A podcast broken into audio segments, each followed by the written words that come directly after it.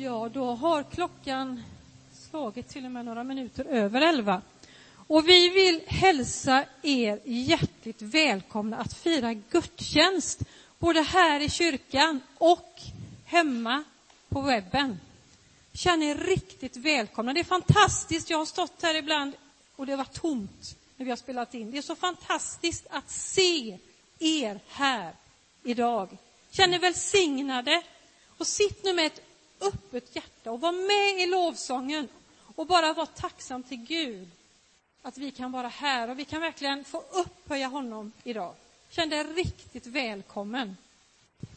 Så senare under gudstjänsten så kommer vi ha tillfälle för förbön och då kan eh, även ni som sitter i bänkarna mejla in till eh, b.molndal.pingst.se både bönämnen och tacksägelseämnen. Fått något i halsen. ja, men alla mejla in vad ni är tacksamma för eller om ni vill ha något hjälp att be för. Jag ska läsa ifrån Markus evangelium, det sista kapitlet, sista verserna där, som är lite av dagens tema på gudstjänsten. Då står det så här ifrån vers 19. När Herren Jesus hade talat till dem togs han upp till himlen och satte sig på Guds högra sida. Och de gick ut och predikade överallt och Herren verkade tillsammans med dem och bekräftade ordet genom de tecken som åtföljde det. Precis som Ulrika sa, sitt med öppet hjärta, låt Gud få tala till dig, utmana dig den här förmiddagen. Att du kan få vara med att gå ut och predika på, om Jesus. Vi kommer få höra det mest senare i gudstjänsten när Johan predikar. Men vi ber för gudstjänsten. Gud, vi tackar dig för att du är här. Tack för att du redan har varit här eh, från början. Och Herre, nu vill vi gå in i det som du har planerat för den här gudstjänsten. Var och en som har kommit hit, var och en som sitter hemma och tittar på webben. Du ska tala till oss, att du ska beröra våra hjärtan och att vi ska få, eh, ja, få en glimt av vad du har på ditt hjärta för den här gudstjänsten. Var med i allting som ska ske, sången, musiken, tekniken, predikan och alla som, har, som eh, lyssnar. Vi ber om din närvaro. Amen. Ja, jag eh, stryker under vad föregående talare har sagt. Det känns fantastiskt roligt att se er alla. Det är ju detta man har längtat efter i ett drygt halvår, eller vad är det nu? Det blir lite stumt att stå och predika in i den där plastlinsen. Det här är mycket bättre. Ja, vänner.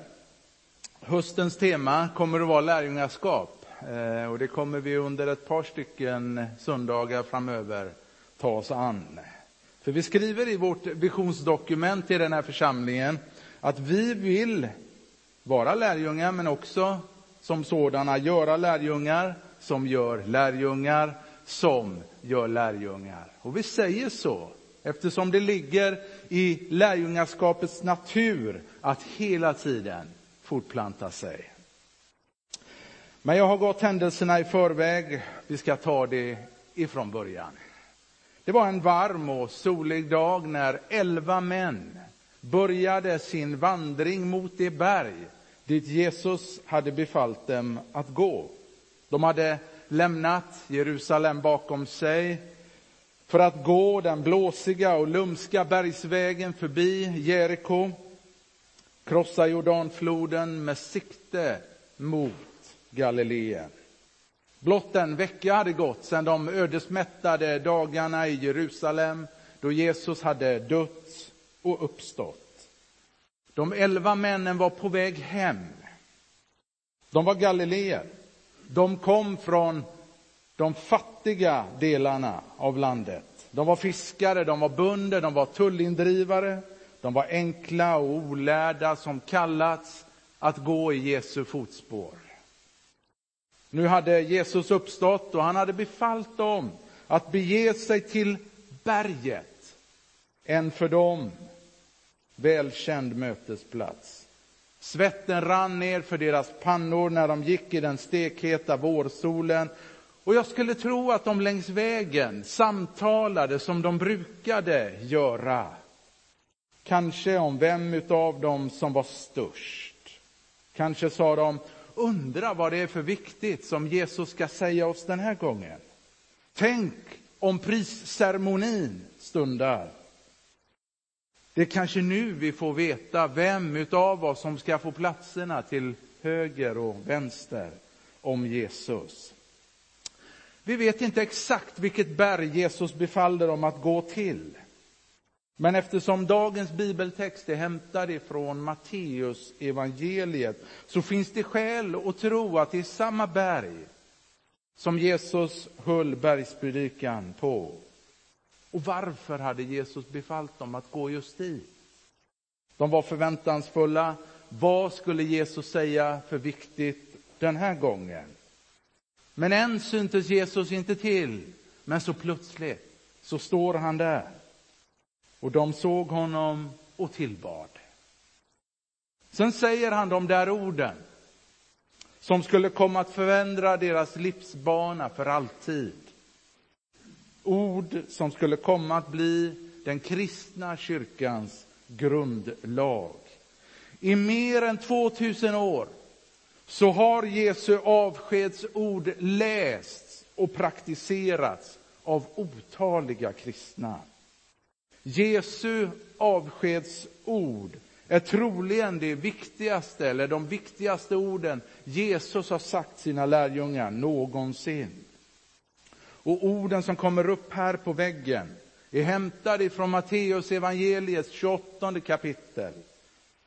18 till vers 20. Berättelsen om Jesu berömda avskedsord, eller som de också kallas, eller rubriceras, missionsbefallningen.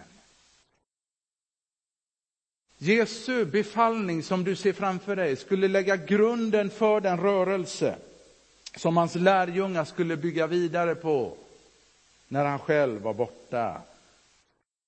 Orden du ser framför dig är viktiga av tre skäl.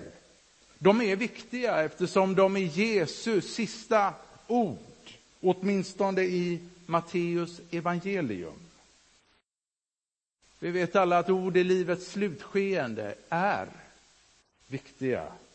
Det var inte länge sedan min svärfar avled, fick flytta hem till Herren efter en besvärlig sjukdomstid, 77 år gammal.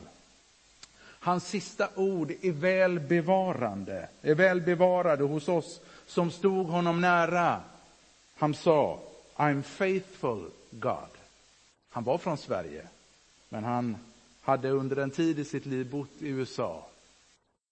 Orden ligger oss varmt om hjärtat. I'm faithful God. Jag är trogen Gud, trots sjukdomen, trots lidandet. När jag går över gränsen så har jag fortfarande min tro på Gud med mig. I'm faithful God. Människors sista ord avspeglar vad som är viktigt för dem. På samma sätt är också Jesu ord i Matteus evangelium viktiga. Det är hans sista bevarade ord. De är också viktiga eftersom de förklarar för oss vad Jesus ville att vi skulle göra mellan hans första och andra tillkommelse. Eftersom Jesus visste att det skulle dröja innan han kom tillbaka så var han noga med att ge sina order i väntan på. Och hans order klargör vad vi kristna förväntas göra i väntan på hans ankomst. De är också viktiga eftersom de vänder sig till alla kristna i alla tider, överallt och var som helst. Notera i texten att Jesus använder orden alla i fyra olika varianter.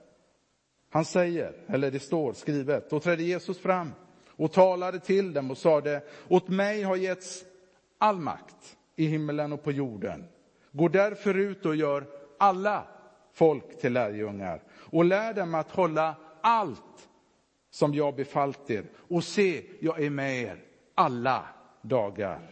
All makt, alla folk, allt, alltid. Wow. Alltid.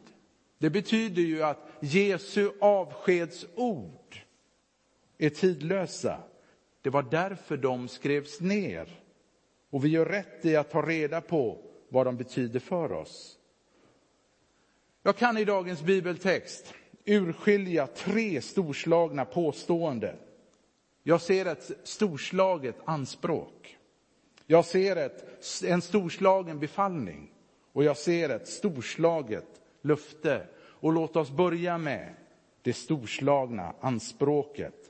Då trädde Jesus fram och sa till dem, åt mig har getts, lyssna, all makt i himmel och på jorden. Det grekiska ordet är starkt. Vi ska titta lite närmare på det.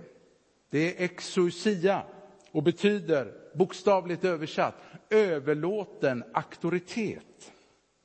Det inbegriper inte bara möjligheten att göra något utan också rätten att göra något. Jesus är den som har den yttersta auktoriteten över himmel och jord. Vem har gett honom den auktoritet? Jo, Gud gav den i samma stund som Jesus stod upp ifrån de döda och vann seger över synd och död. Det betyder att Jesus besitter samma makt och myndighet som Gud själv gör. Det betyder att Gud har all makt, eller Jesus har all makt i, i och över himlarymden. Han är Herren Sebaot, härskarornas Gud. Han har all makt över jorden, folket, länderna, rikena och dess ledare. Kung Salomo han skriver, kungens tankar är som vattenflöden i Herrens hand. Han leder dem vart han vill. Jesus har all makt i underjorden, över Satan, över demonerna, över ondskans alla andemakter. Paulus han skriver, han avväpnade härskarna och makterna och gjorde dem till åtlöje när han triumferade över dem på korset. Betyder det att Jesus inte hade någon som helst makt när han vandrade på jorden? Självklart hade han stor makt. Han hade makt att förlåta synder, sa han själv. Men i och med Jesu tomma grav så äger Jesus den fullständiga makten över synd och död. Genom uppståndelsen äger Jesus obegränsat med makt överallt och alltid. Till den sörjande Maria säger Jesus på fullt allvar, jag är uppståndelsen och livet. Den som tror på mig, han ska leva om han än dör. Och Jesus han frågar Maria, tror du detta? Och jag frågar dig, tror du på detta? Alltså denna tro är biljetten till himmelen. Ett virus blåser över världen. Samhällen skakas i grundvalarna och frågar inte längre om du är fattig eller rik. Och människan inser plötsligt sin sårbarhet. Stundtals tycks det som om världen fått ett raseriutbrott och att Gud är bortom all kontroll. Men så är icke fallet. Ingen av oss vet någonting om morgondagen. Men allt jag vet är vem som har fullständig kontroll över situationen. Hans namn är Herren Jesus Kristus. Det är för att Jesus har all makt som han kan sända ut oss över hela världen och predika det evangelium som vi predikar. Det är det att han är kungars kung och herrars herre. Det är av den anledningen som han kan sända ut oss över världen och predika de glada nyheterna. Om inte så skulle ingen av oss våga gå ut. Jag ser i dessa versar en storslagen befallning Därför läser vi, gå därför ut och gör alla folk till lärjungar. Döp dem i Faderns och Sonens och den helige Andens namn och lär dem att hålla allt som jag har befallt er. Så lyder Jesu berömda avskedstal. Låt oss bryta ner denna missionsbefallning i mindre beståndsdelar. Missionsbefallningen säger oss vad vi ska göra. Gå ut och gör alla folk till lärjungar. Vid första anblicken så ser det ut som att den här bibeltexten kryllar av saker vi ska göra. Vi ska gå, vi ska göra lärjungar, vi ska döpa och vi ska lära. Men i grundtexten så återfinns bara ett enda verb. Gör lärjungar. Nu ska du få svenska undervisning. De övriga orden, gå, döp, lär, är particip. Inte ens här i kyrkan får du ledigt ifrån skolan om du trodde det. Presens particip. De beskriver en pågående rörelse, en handling som någon, i det här fallet lärjungen, oavbrutet håller på med. En lärjunge är med andra ord någon som hela tiden är gående, döpande och lärande. Utan uppehåll. Du var det innan du kom hit, du är det nu och du är det när du går härifrån. Jesus han sa, när jag har farit upp till himlen vill jag att ni gör en enda sak över allt annat. Jag vill att ni går ut till alla folk och gör lärjungar. Ett enda ord på grekiska, på svenska är det två. Bara kort, vad betyder det att vara en lärjunge? Som sagt, inte ens när du kommer till kyrkan får du ledigt ifrån skolans värld. Ordet är faktiskt hämtat ifrån skolans värld, från klassrummet. Det betyder att vara läraktig hela tiden, nyfiken. En lärjunge är någon som sitter vid en lärares fötter, hoppas de är tvättade. Åtminstone var det så på Jesu tid. Idag skulle vi säga kateder eller klassrum. För er ungdomar som är här och får panik just nu så kan man ju använda ett modernare uttryck. En lärjunge är någon som följer en influencer. Och för er gamla som nu börjar undra vad i all sina dagar är det för ord? Så säger jag, en influencer är någon vars uppgift är att påverka den som följer, alltså attityderna och handlingarna. Det är att följa någon, att vara en lärjunge. Att göra lärjungar är därför att gå ut och göra någon lika läraktig som en själv. Du ser att bilden av det Jesus säger i denna missionsbefallning målar upp ett motiv av att själv gå i en pampig parad där Jesus själv är vägledaren. I paraden går Jesu lärjungar som följer i hans spår. Och vid sidan av paraden så står folket. Att göra lärjungar innebär att med jämna mellanrum lämna paraden, gå ut bland folket, föra med sig någon in i paraden och de i sin tur gör samma sak. Vi uppmanas att inte bara själva följa Jesus, utan också bjuda med våra vänner som i sin tur följer i hans spår. Det, mina vänner, är kyrkans uppdrag över allt annat. Jag tror att vi som kyrka begår ett stort misstag om vi tror att folket ska komma till oss. Det är inte den rörelsen jag läser om i Nya testamentet. Jag minns bara en sak ifrån missiologin, alltså när vi läste på Örebro, minns jag bara en sak ifrån den lektionen. Och det var att man sa, i gamla testamentet, då gick rörelsen utåt, inåt, mot templet.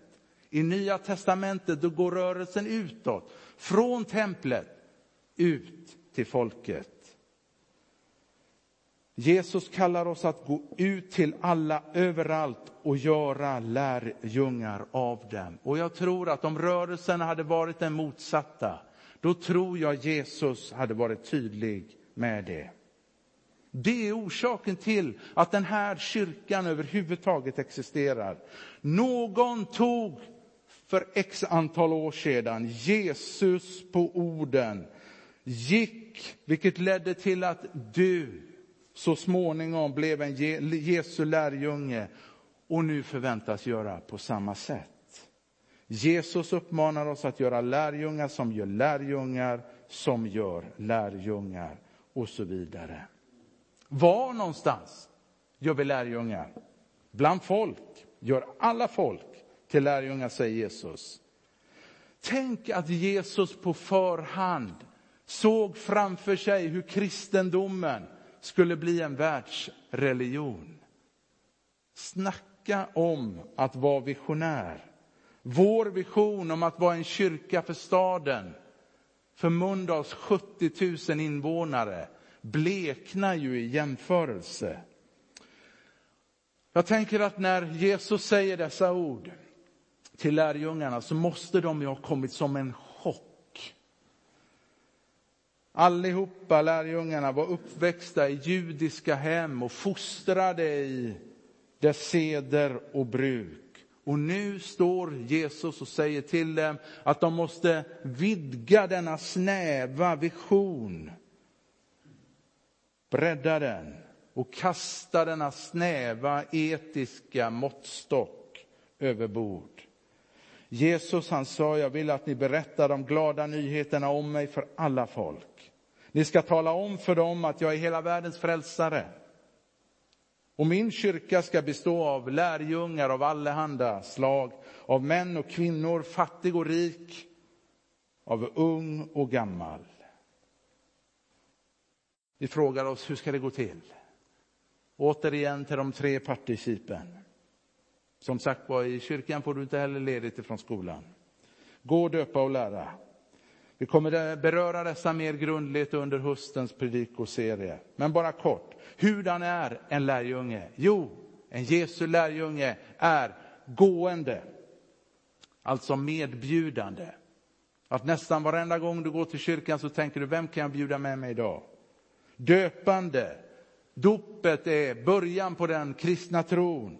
Men det är också ett uttryck för att vi böjer oss under Jesus Kristus som vår Herre. Och ska jag vara lite tuff så tror jag det är här vi som kyrka har det tuffast. Kanske människor överlag. Vi vill inte böja oss under någon. Och det här är en utmaning till vårt sekulariserade samhälle. Vi avskyr auktoriteter. Vi gillar inte när människor säger till oss, du ska inte komma här och tala om för mig vad jag ska göra. Jag tror att om det är någonstans där Jesu ord gör ondast i oss, så är det just detta. Han är Herren. Åt mig har givits all makt i himlen och på jorden. Det här är utmaningen för kyrkan. Alltså att titta på dopet, inte bara som början på kristna livet och sen kan jag liksom lägga undan alltihopa. Utan att också se det som ett böjande. Jag tänker att det främsta uttrycket, och jag tror att vi kommer till det längre fram, det främsta uttrycket för ett kristet liv, det är ödmjukhet. Kanske till och med erkänna att någon annan har rätt. Det här är tuffa saker, men det är också någonting som Jesus kallar oss till.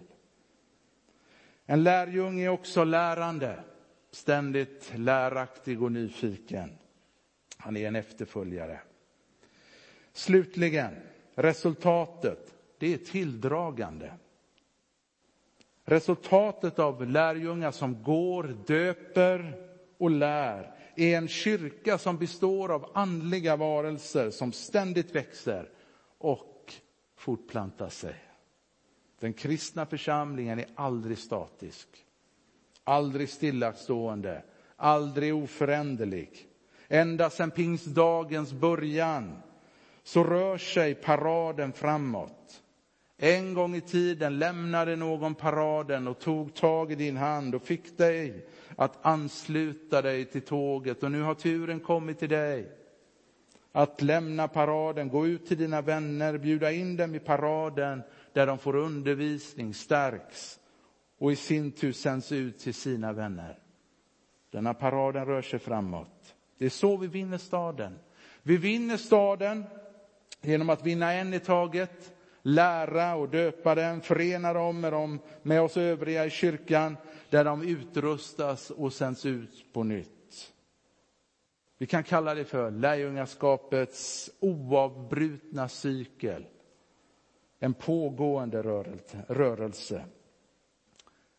Kännetecknet på en hälsosam församling är inte storleken på budget i första hand. Utan en hälsosam församling är en församling som är 100% inriktad på att göra lärjungar. Att vinna själar, att göra dem till lärjungar.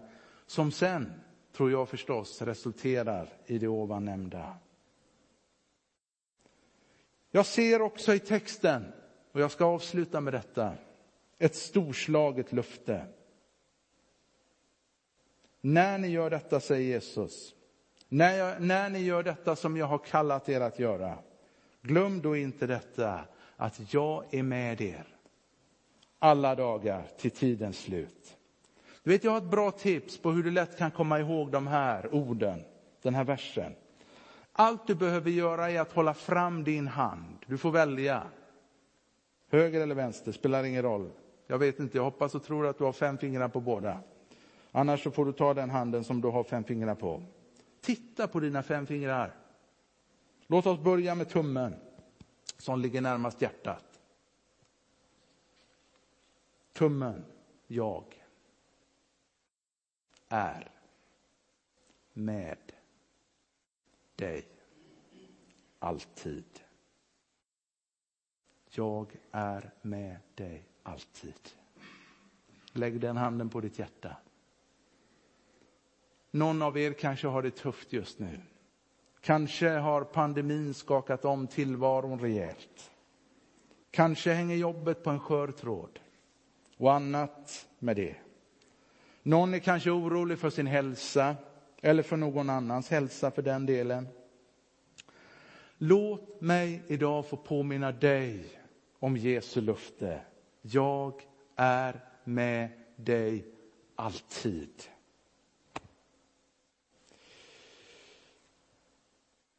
Om orden vi har hört idag var viktigast för Jesus att få sagt innan han for upp till himlen, då behöver de bli viktigast för oss som är kvar här nere i väntan på hans ankomst. Om det var dessa ord som Jesu hjärta bultade för, så borde våra hjärtan bulta för samma sak. Visste du att Gamla testamentet innehåller 613 befallningar. Och då tänker du, hjälp. Jag trodde att det var 10 bud. 613 befallningar. Och nu snackar vi bara Gamla testamentet. När Jesus fick frågan, eller bad, ombads att välja ett utav dessa, alla 613 lades upp på bordet. Vet du vilket han valde? Vad tror du det handlar om? Jo, älska Gud och människor av hela ditt hjärta. Gör ditt hjärta det med. Lever du efter den devisen? När jag hör Jesus säga detta, då tänker jag, gode Gud, hjälp mig. Sicken resa jag framför mig. Ingenting borde stå högre på dagordningen än att bli sådana människor och en sådan kyrka. Jag är helt övertygad om, om Jesus kom in i kyrkan här idag tror jag inte han behövde ta någon handsprit. Men jag tror att om han hade kommit in här idag så hade han upprepat sina avskedsord. Han hade sagt Johan, gör lärjungar. Ali, gör lärjungar. Per-Axel, gör lärjungar. Mikael, gör lärjungar. Ulrika, gör lärjungar. David, gör lärjungar. Henrik, gör lärjungar. Anders, gör lärjungar. Och så vidare. Om det var så viktigt för Jesus, vad tänker du göra åt det? Jag säger inte att du ska gå hem och packa din väska för att åka till Papua Guinea imorgon.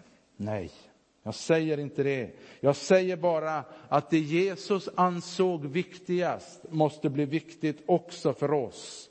Och allt annat som är oviktigt måste stå tillbaka. Jesus Kristus måste få högsta prioritet. Hans sista ord måste bli våra främsta. Och säger du kanske, okej okay, pastorn, jag hör vad du säger. Säg mig vad jag ska göra. Var börjar man? Låt mig då föreslå två saker, sen ska jag säga amen. Jag tror att vi behöver gå tillbaka och återupptäcka Jesu hjärta. Jag skulle vilja utmana var och en av er att fram till nästa sommar läsa igenom alla fyra evangelierna. Inte för att säga till mig, pastorn, jag har gjort det. Inte för huvudets skull, utan för att tränga djupare in i Jesu hjärta. Vad bultar Jesu hjärta för? Jag har snart läst alla fyra och jag är jättenyfiken på vilka observationer du kommer göra. Jag tror också att vi personligen, var och en, behöver bli personligt involverad i denna missionsbefallning. Skriv ner namnen på tre personer som du önskar ska komma till tro under 2021 och be sen Jesus om möjligheter att få dela livet och tron tillsammans med dem. Det är så vi vinner staden. Tänk vilket år vi har framför oss. Tänk när Jesu hjärta mer blir vårt. Tänk vilken kyrka, tänk vilken stad och tänk vilken värld. Amen. Helige Gud, vi tackar dig, nådefull och barmhärtig, rik på kärlek och fördragsamhet, tålamod. Herre, jag vill be för oss var och en. Herre, inte att vi nu går hem med tunga huvuden, Herre, där huvudena liksom bara nästan nuddar marken. Nej, Herre, det är inte det som du säger. Herre, du ber oss eller befaller oss att vara med i någonting så stort, någonting så fantastiskt, Herre. En världsvid rörelse, Herre, där vi får vara en del. Tacka dig för det, Gud. Detta är en förmånlig inbjudan att få vara med och prägla, Herre, influera den här världen med, Herre, ditt eget liv. Herre, vi tror att den här världen behöver mer av ditt hjärta, dina ögon, Herre. Vi ber in det, Herre. Och vi får vara budbärarna. Vi får vara de som går, Herre. Vi får vara de som döper. Och vi får vara de som lär. Tack gode Gud. Nu ber jag in den här rörelsen i våra liv. Herre, tänk att få vara med och förvandla den här staden, Herre. Gode Gud, tack för att vi får vara med och att du går med oss, Herre Immanuel. Tack Jesus, tack Jesus. Välsigna oss i fortsättningen av gudstjänsten. Vi ber så i Jesu Kristi namn. Amen.